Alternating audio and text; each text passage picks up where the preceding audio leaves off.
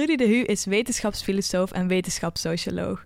Ze is het meest bekend van haar boeken De Depressie-epidemie over de plicht het lot in eigen handen te nemen en Betere Mensen over gezondheid als keuze en koopwaar. Haar lezing is gebaseerd op het boek dat ze momenteel schrijft onder de werktitel Van voor de geboorte tot na de dood, over de zachte kant van harde feiten.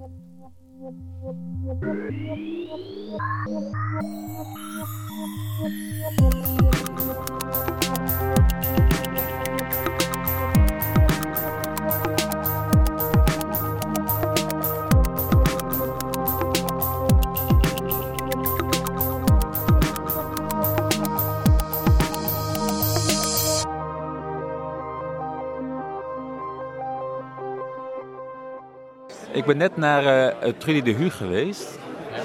Um, en zij had een uh, pleidooi voor een soort van uh, wetenschap die zijn verantwoordelijkheid weet te nemen. En weet ook wat voor soort van scheppende kracht die bezit. Um, en dat met die scheppende kracht ook een soort van kwetsbaarheid kwam. En dat vond ik een heel mooi, een heel krachtig betoog voor een iets meer eerlijke, iets meer kwetsbare wetenschap. Waar stelde ze dat, uh, waar maakte ze daar een tegenstelling mee? Um, nou, zij noemde ze haar eigen positie een realistisch realisme.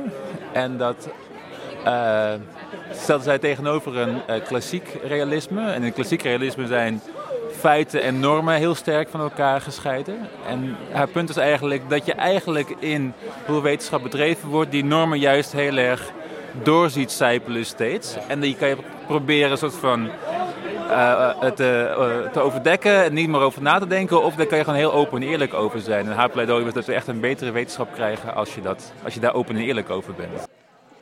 De volgende spreker is Trudy de Hu. Ze was hoogleraar wetenschapstheorie aan de Universiteit van Groningen. En haar lezing zal gaan over de relatie tussen ontologie en wetenschap. Uh, waarbij de vraag wordt gesteld um, of ontologie naar een realiteit achter de wetenschap verwijst. Dus dat uh, de wetenschap de achterliggende ontologie beschrijft. Of dat elke kenpraktijk een eigen ontologie heeft, waarbij uh, de kenpraktijk ook een scheppende rol heeft in wat we werkelijkheid noemen.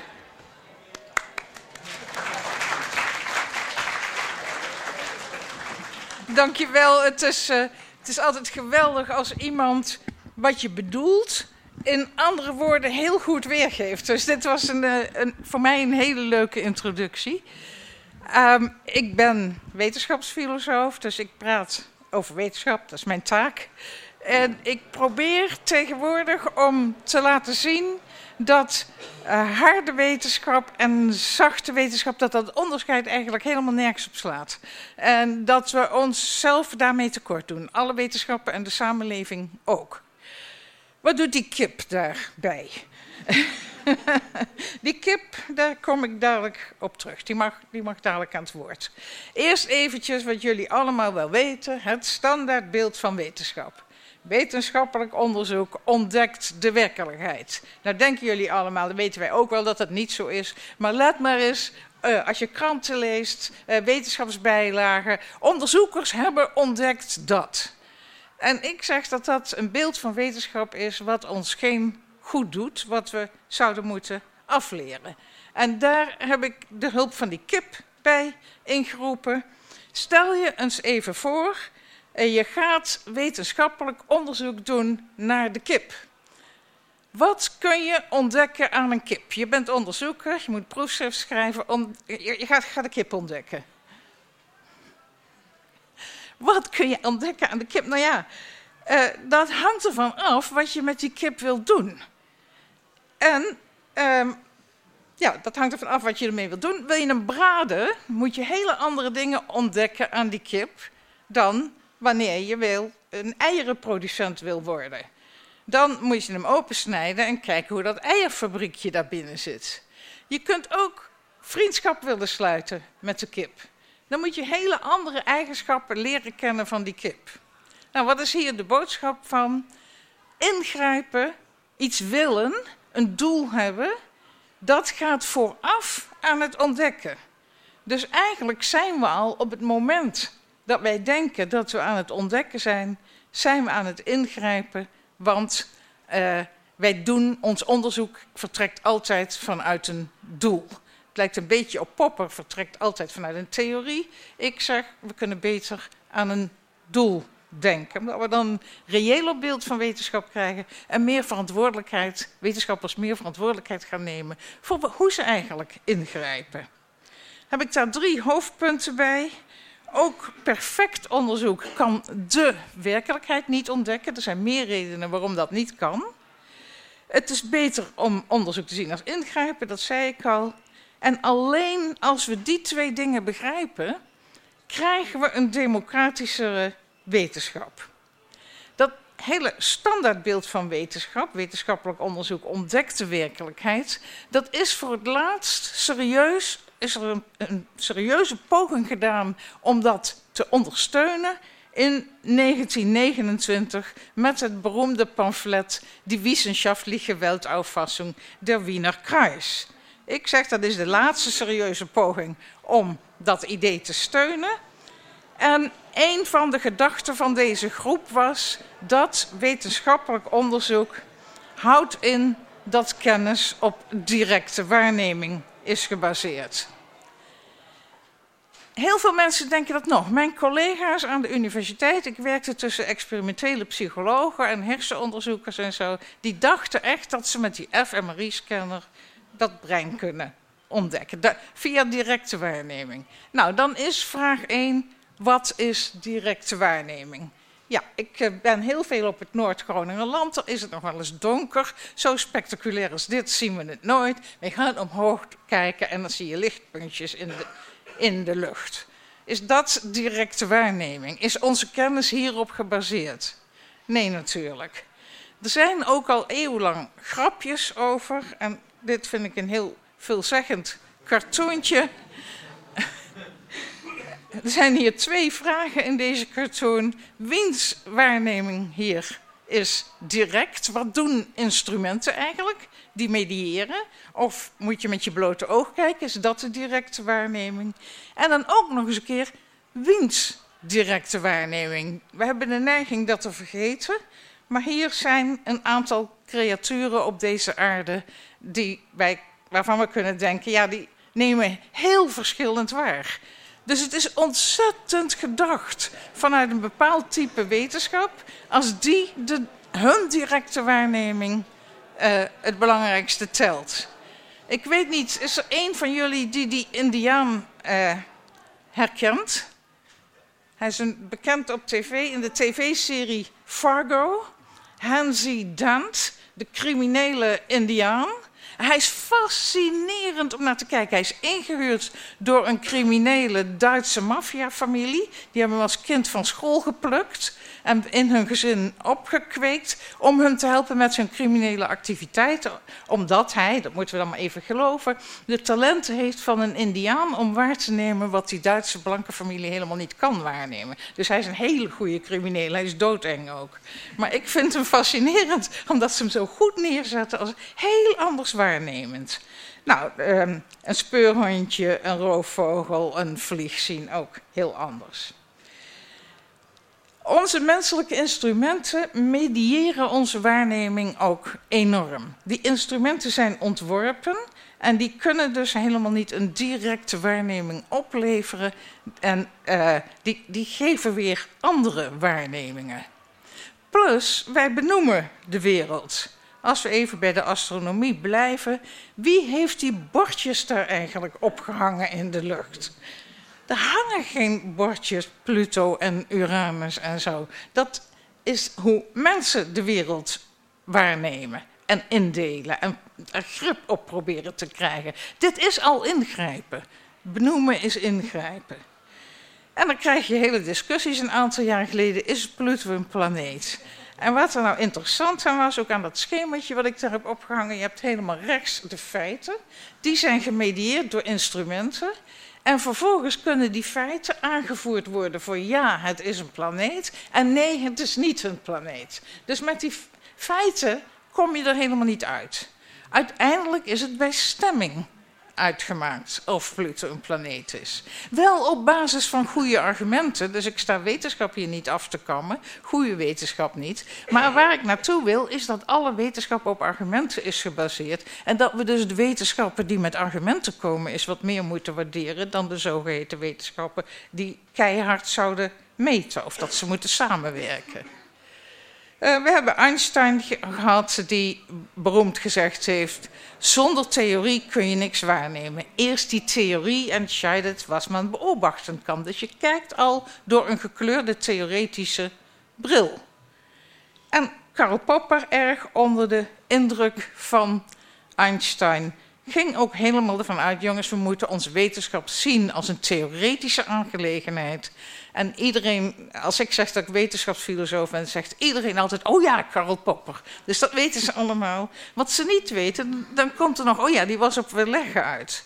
Maar Popper zei ook dat die feiten, die eventueel weerleggende feiten, zijn ook op beslissingen gebaseerd. Die zijn theoretisch gemedieerd. Dus je komt niet uit die theorie. En Popper zei dus ook: kennis is altijd onzeker. Kennis blijft onzeker, dat moet je weten, want ook je weerleggingen zijn onzeker.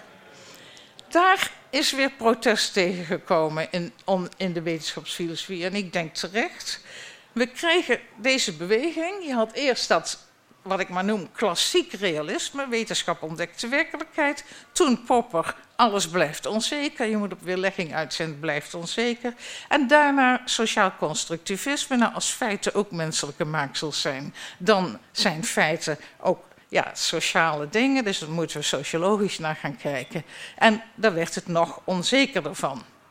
Maar nou kom ik terug bij mijn kip.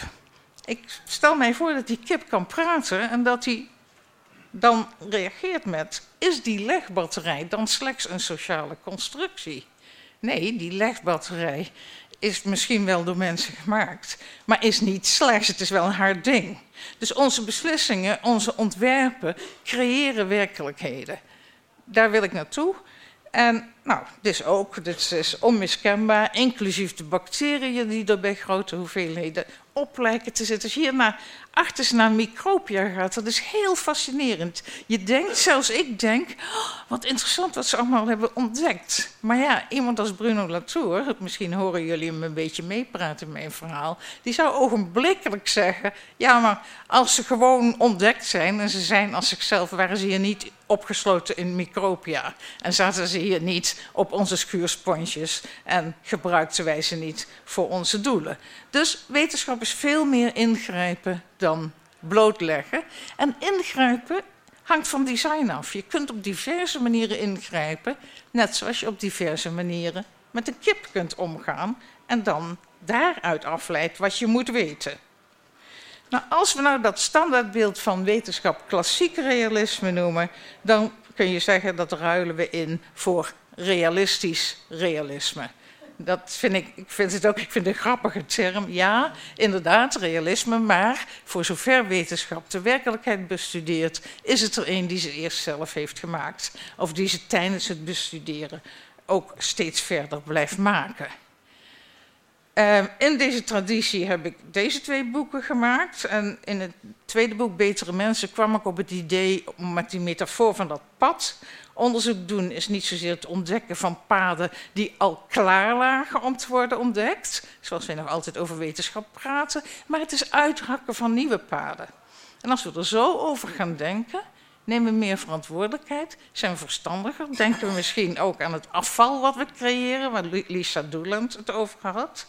En ook, het is zo vreselijk ondemocratisch. Wat mij werkelijk verontrust is van die wetenschappers. Ja, nou, dat hebben we ontdekt. Dat was daar in de werkelijkheid. Kunnen wij verder ook niks aan doen. Hoef je ook niet na te denken over wat je aan het doen bent en hoe je aan het ingrijpen bent. Dat wetenschap beter als ingrijpen gezien kan worden, is gemakkelijk te begrijpen als je aan technologie denkt. Technologische producten door mensen gemaakt. Ik heb er een hele oude auto neergezet om het besef op te wekken dat het hier om design gaat en dat design altijd anders kan. Het is niet voor ons, hè, we hebben nu elektrische auto's, je kan erover nadenken om het anders te doen. Het is niet door God of de natuur gegeven.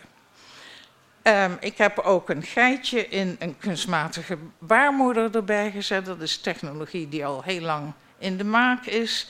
Um, nou, als dat op een gegeven moment voor mensen ook komt, wordt kindjes niet meer in de baarmoeder gekweekt, maar in een potje in de slaapkamer waar je s'avonds wat voer bij doet of zo. Ik weet niet wat je mij moet voorstellen. Een gezondheidsapp. Een gezondheidsapp is nooit neutraal. Daar zitten bepaalde mensen hun normen in voor wat als gezond telt en dan voor iedereen. Want we krijgen allemaal dezelfde app, terwijl onze lichamen verschillen. Anticonceptie. Al die dingen, die zijn ontworpen. Anticonceptie bijvoorbeeld, wel eens over nagedacht waarom er geen pil voor mannen is. Nou, dat zijn allemaal sociologische dingen, daar zitten beslissingen in. Tegelijkertijd, al die technologie verandert onze sociale verhoudingen. Als we even bij de pil blijven. Uh, we kunnen nu seks hebben zonder zwanger te worden, zonder kinderen voor te brengen. Dat, ik denk dat dat uh, goed is. Ik ben niet aan het zeggen dat technologie slecht is. Tegelijkertijd wordt de relatie tussen ouders en kinderen is totaal veranderd. Omdat je geen kind meer krijgt, maar een kind neemt tegenwoordig. De zwanger worden overkomt je niet meer. Zwanger worden is een hele, wordt verondersteld, een heel goed genomen beslissing te zijn. En voor dat waarvoor je heel goed overwogen wordt geacht te hebben nagedacht, ben je veel meer verantwoordelijk. En dus zou dat angstige ouderschap van tegenwoordig onder jongere ouders best wel eens verklaard kunnen worden met die anticonceptie. Mijn ouders kregen mij nog per ongeluk. Ik was een huilbaby. Ze zetten me gewoon in het schuurtje als ze genoeg van me hadden. Hebben ze altijd verteld, dus het zal wel. Zou tegenwoordige ouders niet meer mogen doen, belt men de kinderbescherming. Um, er is nog veel meer technologie in de maak. Helaas bewegen de filmpjes niet vanwege Windows-Apple-problemen, maar daar zie je een dingetje, een nanobotje dat als het filmpje het zou doen, zouden er sliertjes uitkomen, uh, grijpertjes, en die gaan het neuronale netwerk uitbreiden. Ik heb de onderzoekers die, dit, die aan die nanobotjes werken, heb ik ge-mailed. Dus dit clipje geeft dit goed weer wat jullie doen. Ja, dit is wat wij proberen te doen. Het is om mensen met Parkinson te helpen. Fantastisch. Is, is, is nodig. Maar je snapt dat dit gewoon de samenleving in zal gaan. En dat dit dus de mensheid fundamenteel zal veranderen. Wetenschap is ingrijpen. Dat doen antidepressiva eigenlijk al. Die gaan ook je brein in. Ook ooit bedoeld voor kleine groepen. En nu enorm uitgebreid geraakt en overal gebruikt. Dus meer verantwoordelijkheid voor wat je maakt en hoe je maakt. Maar minstens zo opvallend, en uh, veel minder opvallend, maar minstens zo belangrijk ook talige feiten zijn ontworpen producten die werkelijkheden creëren, die hele harde werkelijkheden kunnen maken. Dus ook onze gewoon verbale feiten, die moeten ontzettend doorzocht worden op hoe ze werkelijkheden maken en wat de ontwerpbeslissingen in de verbale feiten zijn. En soms wordt het ook heel zorgvuldig gedaan. Dat, en dat soort wetenschap moeten we dan veel meer prijzen, zou ik zeggen. Die goed nadenken over concepten. Simpel voorbeeld, wat telt als armoede in Nederland? We krijgen armoedecijfers, zoveel kinderen groeien in armoede op. En een journalist vraagt toch niet zo vaak, bijvoorbeeld bij Nieuwsuur, let er maar eens op. Wat was uw definitie van armoede? Voorafgaand aan uw tellingen. En vervolgens, hoe hebt u uw vragenlijst of onderzoeksmethode ontworpen? De beslissingen voorafgaand aan de feiten creëren veel meer de feiten dan die uiteindelijke metingen. Ik heb tussen psychologen gewerkt, zei ik al, psychologen zijn heel erg van experimenteren. En achter de komma moet alles kloppen van de statistiek. Oh man, significant en oh, die p-waarde. Voor de komma, totaal slordig. De concepten ja, nee, nu, overdrijf ik. Maar ik, ik zag wel eens dat het heel slordig was. En ik zie ook wel eens dat het heel grondig is. En juist die grondige mensen wil, zou ik meer naar voren willen halen. Goed, wat telt als armoede? Nou ja, als je, de voedselbank ziet er ineens heel rijk uit als je vergelijkt met een plaatje uit, uh, uit Afrika. Dus dat is relatief. Maar ik wil niet zeggen dat hier in Nederland mensen die de voedselbank nodig hebben niet arm zijn. Soms gaat het heel goed. Hier heb je een voorpagina-artikel van de NRC. Kinderen, Nederlandse kinderen groeien in armoede op. Hoeveel zijn er dat? En op de voorpagina zat er een inzet. Jullie kunnen hem niet lezen, maar ik vergroot hem toch eventjes. Um, SCP, hele andere definitie van armoede dan de Verenigde Naties en dan uh, het CBS enzovoorts.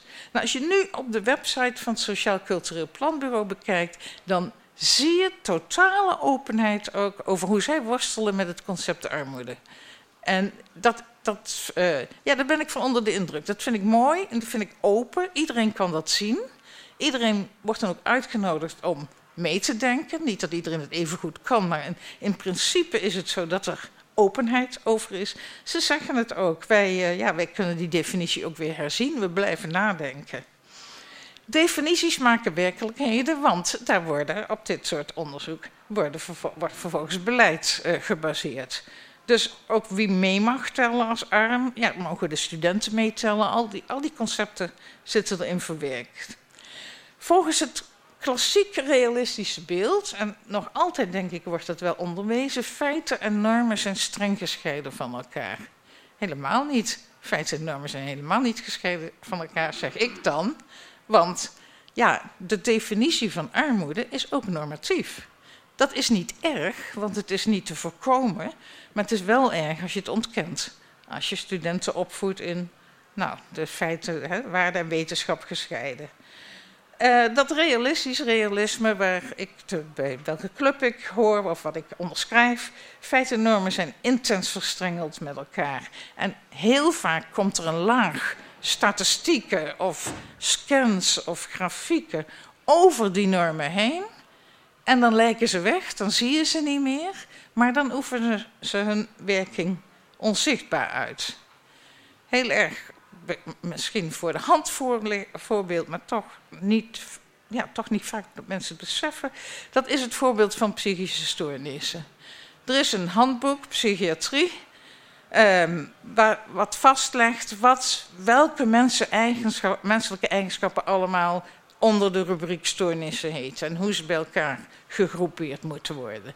Is dit boek, de Diagnostic and Statistical Manual of Mental Disorders. Eerste versie 1951, vijfde versie 2013. Die eerste versie bevatte 106 stoornissen, die laatste versie 365 stoornissen. Ja, elke dag één. nou ja, dat zie je aan. Dit is heel duidelijk een feit. Wat zijn feiten die op normatieve definities zijn gebaseerd. Is op zich niet erg. Het wordt wel erg als je het ontkent. En het wordt heel vaak niet gezien. Dus mijn stelling is, laten we die DSM nou bezien als het boek waarin psychiaters menselijke eigenschappen tot hun domein verklaren. Ze zeggen daarmee die en die en die eigenschappen die horen bij ons. Dat hoort niet bij de onderwijzer, uh, dat hoort bij ons. Dan mogen ze zeggen, als dat maar open is, want dan kan de onderwijzer zeggen, nou nee, vind ik toch niet. Dat is eigenlijk een taak voor de school of voor de opvoeder. Dus er hangen, net zoals er geen bordjes Pluto of Uranus in het heelal hangen, er hangen geen bordjes stoornis in het brein. Eh, zelfs zijn die gemiddelde verschillen tussen mensen met ADHD en zonder ADHD, die zijn, die zijn er eigenlijk niet. Dat is buitengewoon klein of totaal verwaarloosbaar of het gaat weer over. Die bordjes hangen er ook niet. Dit zijn interpretaties. Zelfs voor homo- en heteroseksualiteit, dat noemen wij nu geen stoornis meer, maar zelfs hangen er geen bordjes hetero of homo in het brein. Want het is onze samenleving die vindt dat je mensen naar hun seksuele voorkeur moet vernoemen. Het hoeft toch niet? We, delen mensen ook niet in op basis van de vraag of ze van sinaasappels houden of niet. Dus je kan ook denken, hoeft niet, je hoeft, je hoeft ze niet te vernoemen. Dus daar zit iets normatiefs in. Toch heb je persberichten als deze. ADHD op vijf plekken in de hersenen zichtbaar. Dat kan helemaal niet. Dat kan niet, want klassificaties zijn niet het resultaat van metingen. Klassificaties gaan aan de metingen vooraf. Dit persbericht kon om heel veel redenen niet. Ook omdat er nauwelijks significante verschillen waren. En omdat bij volwassenen, in de volwassenheid waren die verschillen ook weer verdwenen enzovoort. Dus die klassificaties gaan vooraf aan het onderzoek en zijn, dat DSM gaat vooraf aan het onderzoek. Het zijn de psychiaters die besloten hebben dat dit een stoornis moet heten. Om even bij ADHD te blijven die definitie die is alsmaar uitgebreid, zodat er steeds meer mensen onder gingen vallen. Eerst was het alleen drukke, hele drukke kinderen, toen was het ook ongeconcentreerde kinderen, toen was het ook volwassenen. Dus de groepen werden steeds groter. Ik zeg niet bijvoorbeeld dat dat fout is, alleen als we het er niet over kunnen hebben, dan wordt het wel heel raar. Want wat er gebeurt, ik had het net over materiële technologie, die apparatuur. Die materiële en die talige technologie, die raken in elkaar verstrengeld. En dan krijg je de meest harde werkelijkheden. Die zijn bijna niet meer los te tornen. Ik schrijf niet meer over stoornissen, overigens, want ik heb, ik heb ben klaar zelf met het onderwerp, maar de organisatie van Drift vroeg mij een paar keer: doe dat nou wel, vlecht dat erin, dat onderwerp. En ja, inderdaad, ik vind het ook nog wel, ja, het fascineert me dan toch ook alweer als ik er weer mee bezig ben. Die talige en materiële technologie raken verstrengeld met elkaar. ADHD is een heel simpel voorbeeld. Want kijk maar naar dit rapport van de Verenigde Naties van de Narcotics eh, Control Board. Die heeft de consumptie van methylfenidaat, het bekendste ADHD-middel, bijgehouden. In 1992 4,2 ton en in 2011 eh, 51 ton. Dus hier zie je dat definitie en materie, zo'n pil noem ik ook, materiële technologie, met de definitie gaat samen op. En dan creëert wetenschap de meest harde werkelijkheden. Dat doet dan ook deze de hersenwetenschap. Die doet dat net zo. Je, het wordt werkelijkheden, want naar aanleiding van dit persbericht opende het journaal. Mensen met ADHD hebben iets kleinere hersenen. Oh jeetje, en, en ook nog mensen. Terwijl de onderzoekers zelf hadden gezegd: het gaat, wordt in de volwassenheid verdwijnt het. Dus een hele, een hele goede kop van hunzelf was geweest. Dat was nou nog eens nieuws geweest. Um, symptomen ADHD verdwijnen in de volwassenheid. Kijk, dat was nou, daar had het journaal mee moeten openen. Maar nee, ADHD is gewoon een hersenziekte, zei Trouw. En ook internationaal enorm.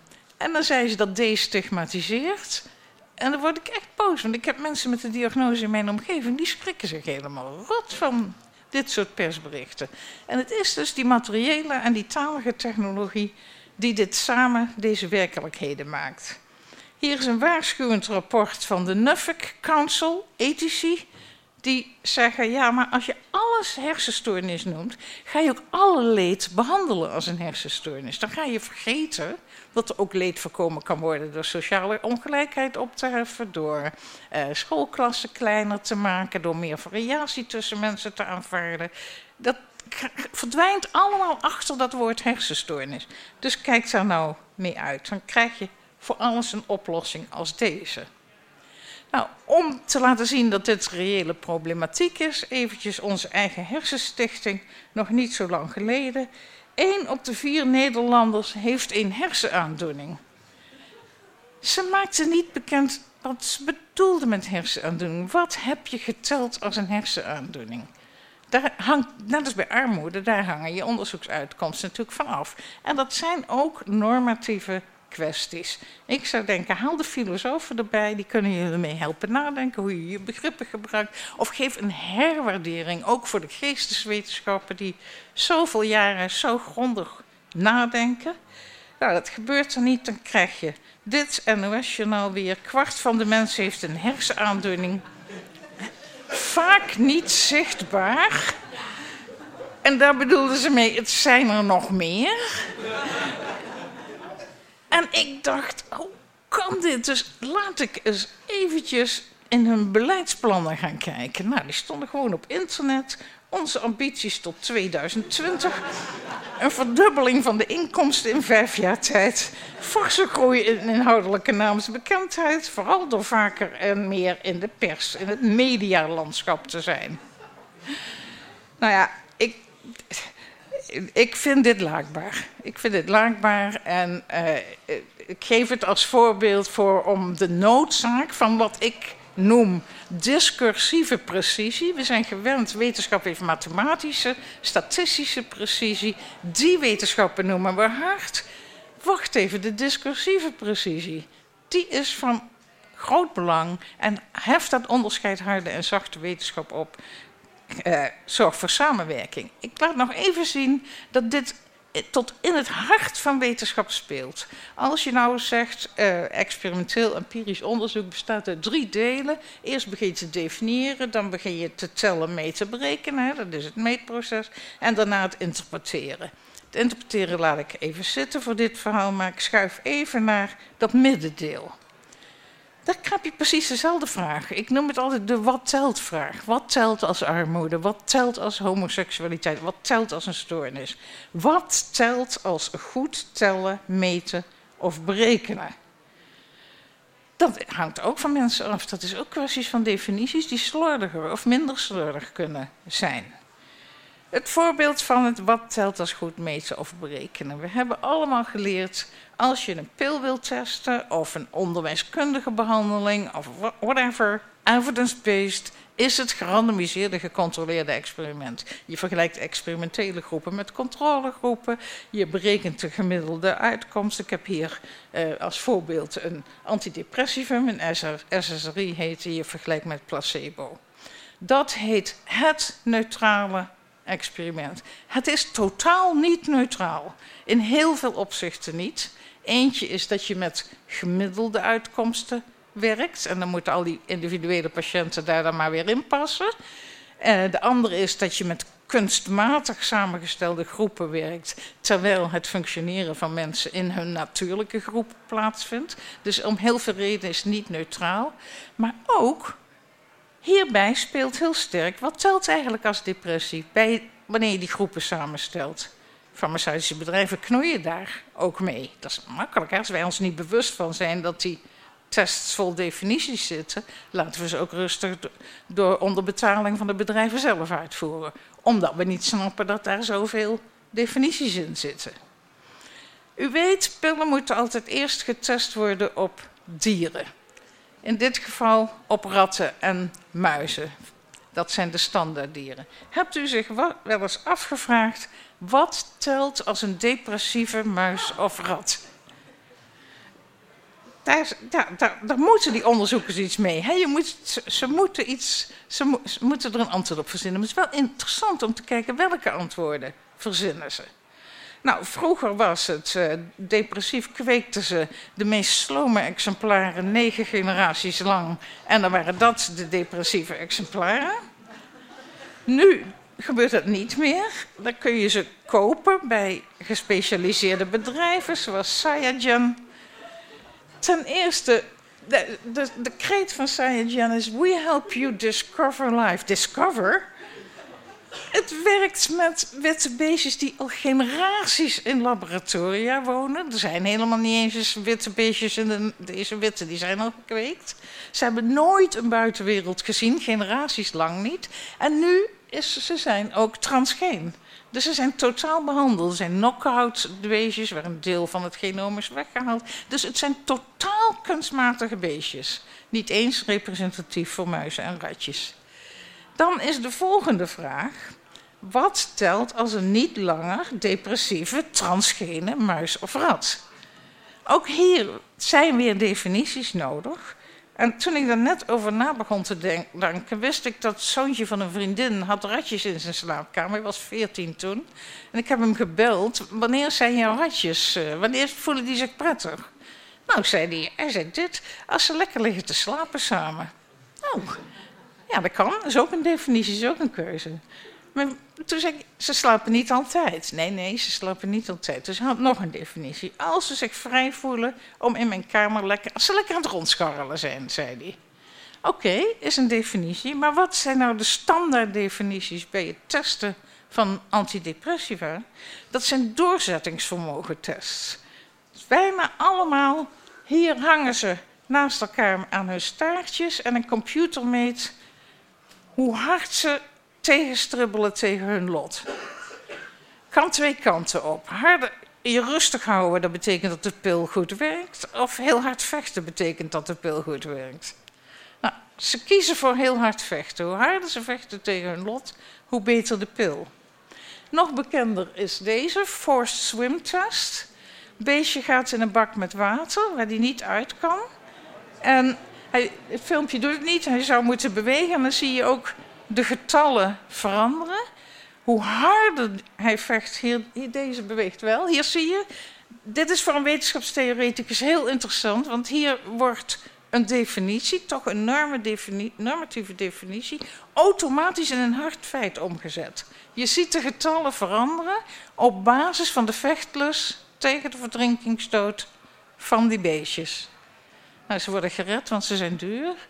Maar ik, er staan heel veel force swimtests op YouTube. En helaas heb ik eentje niet gedownload. En dat kan me wel van mijn hoofd slaan, zo jammer.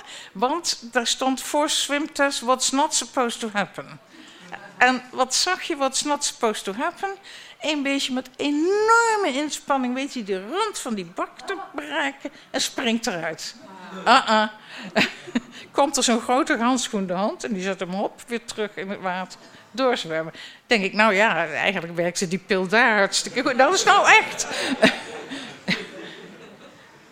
en dit is niet onschuldig, want de, als die beestjes niet goed doen, dat doorzettingsvermogen bepaalde test, komt die test niet verder het productieproces in.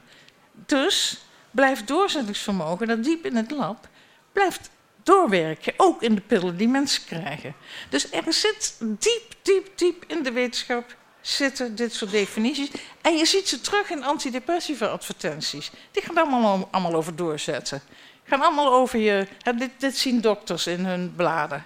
Van kijk, nou eens, mevrouw is een helemaal een mooie ballerina, kan ze worden. Helemaal krachtig en alles onder controle. En die andere mevrouw die kan, hardlopen in de regen nog wel. Dus, ja, ik ben een wasje, dus mij valt er meteen op dat soort dingen. nou, ze moet ook op mensen getest. Nou, die kan je niet in een bak water stoppen natuurlijk. Dat mag niet van de ethische commissie. Dus dat zijn, dat zijn paper and pencil tests. Maar die kunnen natuurlijk ook niet neutraal zijn. Dat kan niet. Daar is ook strijd over. Farmaceutische bedrijven die zeggen dat die gekleurd is. En weer anderen zeggen, ja, deze test, die Hamilton is hartstikke Amerikaans. Enzovoort. Nou, leveren hersenscans dan een, uh, een oplossing? Is dat dan de harde kennis? Nee, natuurlijk niet, want er zit ook die definitie uit die DSM. Dus wat we moeten, we ontkomen er niet aan om de definities heel belangrijk te vinden en daar heel goed over na te denken. Hier zijn twee artikelen eh, van, twee, van jongere hersenonderzoekers. Ik vind het fantastische stukken, omdat zij zeggen: ja, maar wat zijn we nu eigenlijk aan het meten? Als wij vrije wil aan het onderzoeken zijn. Je hebt hersenonderzoekers zeggen, de vrije wil bestaat niet. En dan ik, op basis waarvan? Een experiment in een scanner waar mensen op hun rug liggen... met hun hoofd strak vastgebonden, waar ze op een knopje moeten drukken... en dan komt er een beroemde professor zeggen... de vrije wil bestaat niet. Terwijl juristen, historici en taalkundig... weet ik wie er allemaal al heel erg lang diepgaand nagedacht hebben over wat is het concept, welk concept zullen we gebruiken, wat zijn de effecten als we het begrip zus of zo uh, in, uh, hanteren enzovoort. Dus wat, wat je hier ziet in deze artikelen is ook een pleidooi van laten we die disciplines bij elkaar uh, halen. Want wat hersenonderzoekers doen is natuurlijk wel heel knap in bepaalde opzichten. Ik zeg niet dat het onzinnige onderzoek is, maar het is zo raar dat alleen dat hard mag heten. Oké, wat is nou verantwoordelijk onderzoek en innovatie? Eén, het nemen van verantwoordelijkheid voor wat je doet, ook je definities, wat je ontwerpt. Het verschaffen van grotere openheid. Niet meer zeggen, onderzoek heeft uitgewezen dat, maar vertellen hoe dat... Dat is de bakker gewoon moet vertellen wat er in het brood zit. Zo simpel is het. Dit is uw brood hier.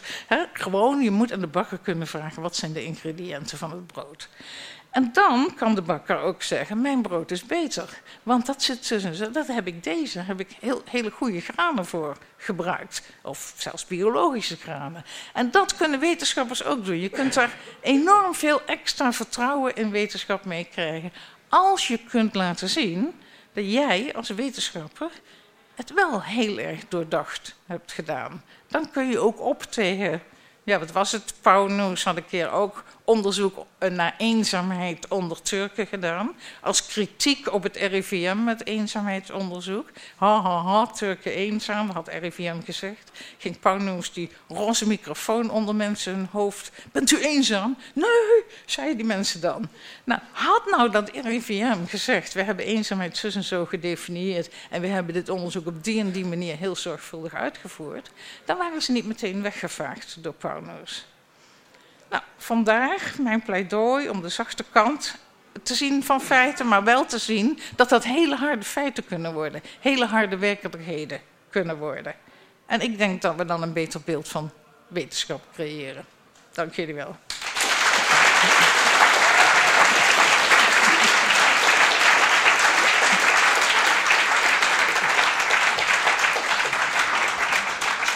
Um, zijn er nog vragen uit de zaal? Um, bedankt voor de toffe uiteenzetting. Um, ik heb een vraagje over de, dat het doel voor, voorafgaat aan de resultaten. Ik gaf daarbij het voorbeeld van de Hersenstichting. Wacht uh, even, ik versta niet, want de, ja, de deur gaat dicht. Ik gaf het voorbeeld van de Hersenstichting, die als doel op een website hadden staan van de, de impact in de media vergroten, naamsbekendheid vergroten. En dat daarmee eigenlijk in twijfel getrokken werd dat hun persbericht misschien voorafgegaan was aan het doel in plaats van de realiteit. Maar wat maakt het nou dat zij dit doel stellen? Waarom zeggen zij, wij, wij zijn relevant? We willen onze relevantie vergroten. Is niet elke partij, elk concept vindt zichzelf relevant? En soms op basis van, van feiten, soms op basis van misschien eigen relevantie. Wat, wat zie je daarvan? Ja, ik denk, uh, die slide van mij, die was eigenlijk niet om mijn hoofdpunt te maken. Die was meer omdat ik boos op ze was. Gewoon even laten zien van, wel verdorie, om, om onverantwoordelijkheid te laten zien, vind ik. Dus hij had niet zo met mijn theoretische punt te maken. Okay. En het staat er een beetje naast, omdat die collectebusfondsen, ja, die hebben het moeilijk. Hè? Die moeten het van publieke giften hebben. Maar ik was met een, met een directeur van de KWF in discussie. Die hebben ook die kankeronderzoekers hebben zo de neiging om hun hand te overspelen. En ik probeer hem te zeggen. Doe maar rustig, want mensen geloven echt niet dat jullie in vijf jaar kanker kunnen uitbannen. Dus betrek mensen nou meer in de moeilijkheden van het onderzoek. Dan wek je meer vertrouwen. Hoop ik. In de toekomst misschien, misschien ook niet meteen.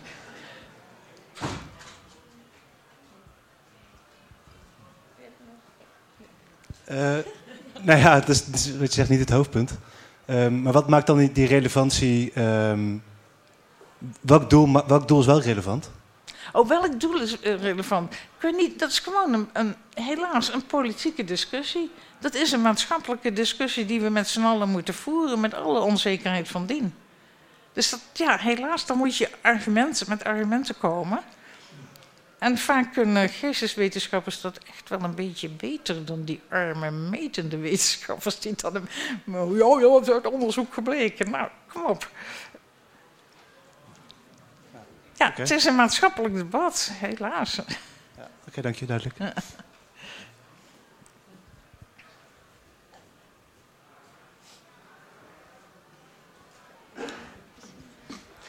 Uh, hallo, dankjewel voor de interessante lezing.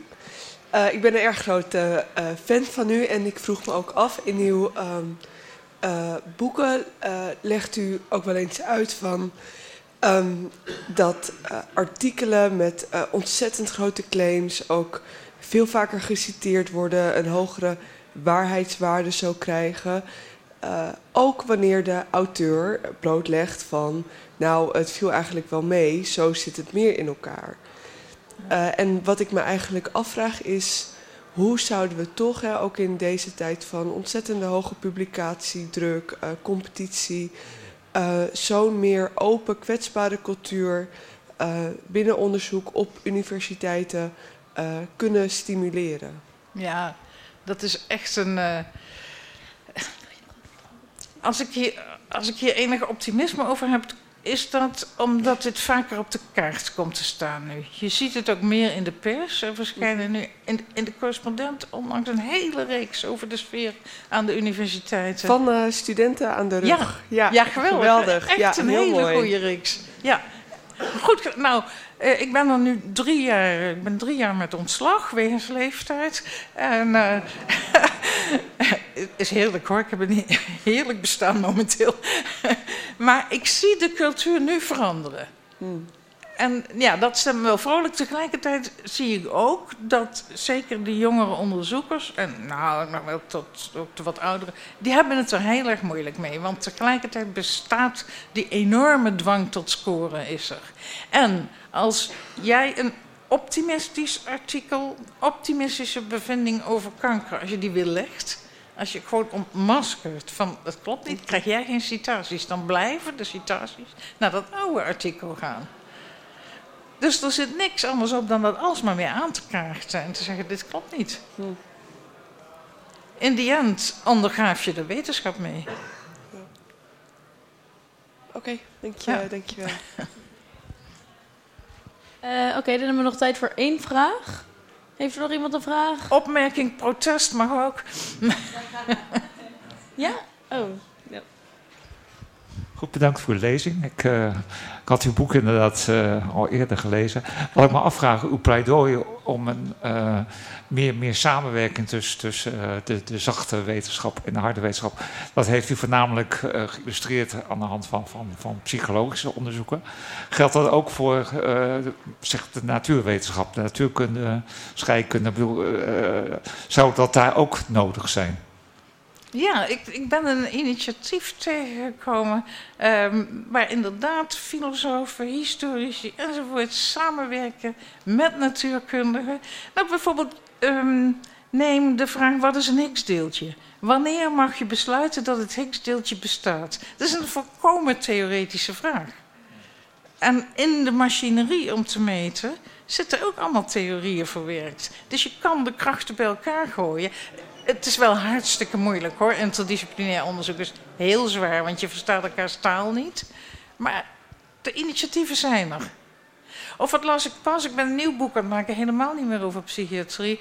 Maar het ging over het, um, het nieuwe criteria, criteria om soorten in te delen. Dat gebeurt nu niet meer op basis van kunnen ze samen nakomelingen maken die vruchtbaar zijn. Dat is het Darwins criterium.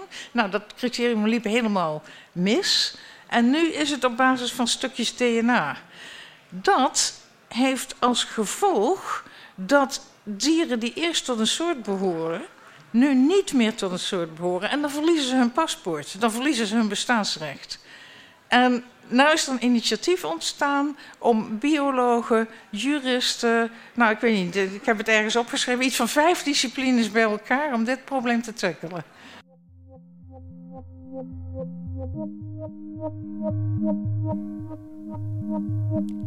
Dit was Kluwen in samenwerking met Wijsgerig Festival Drift.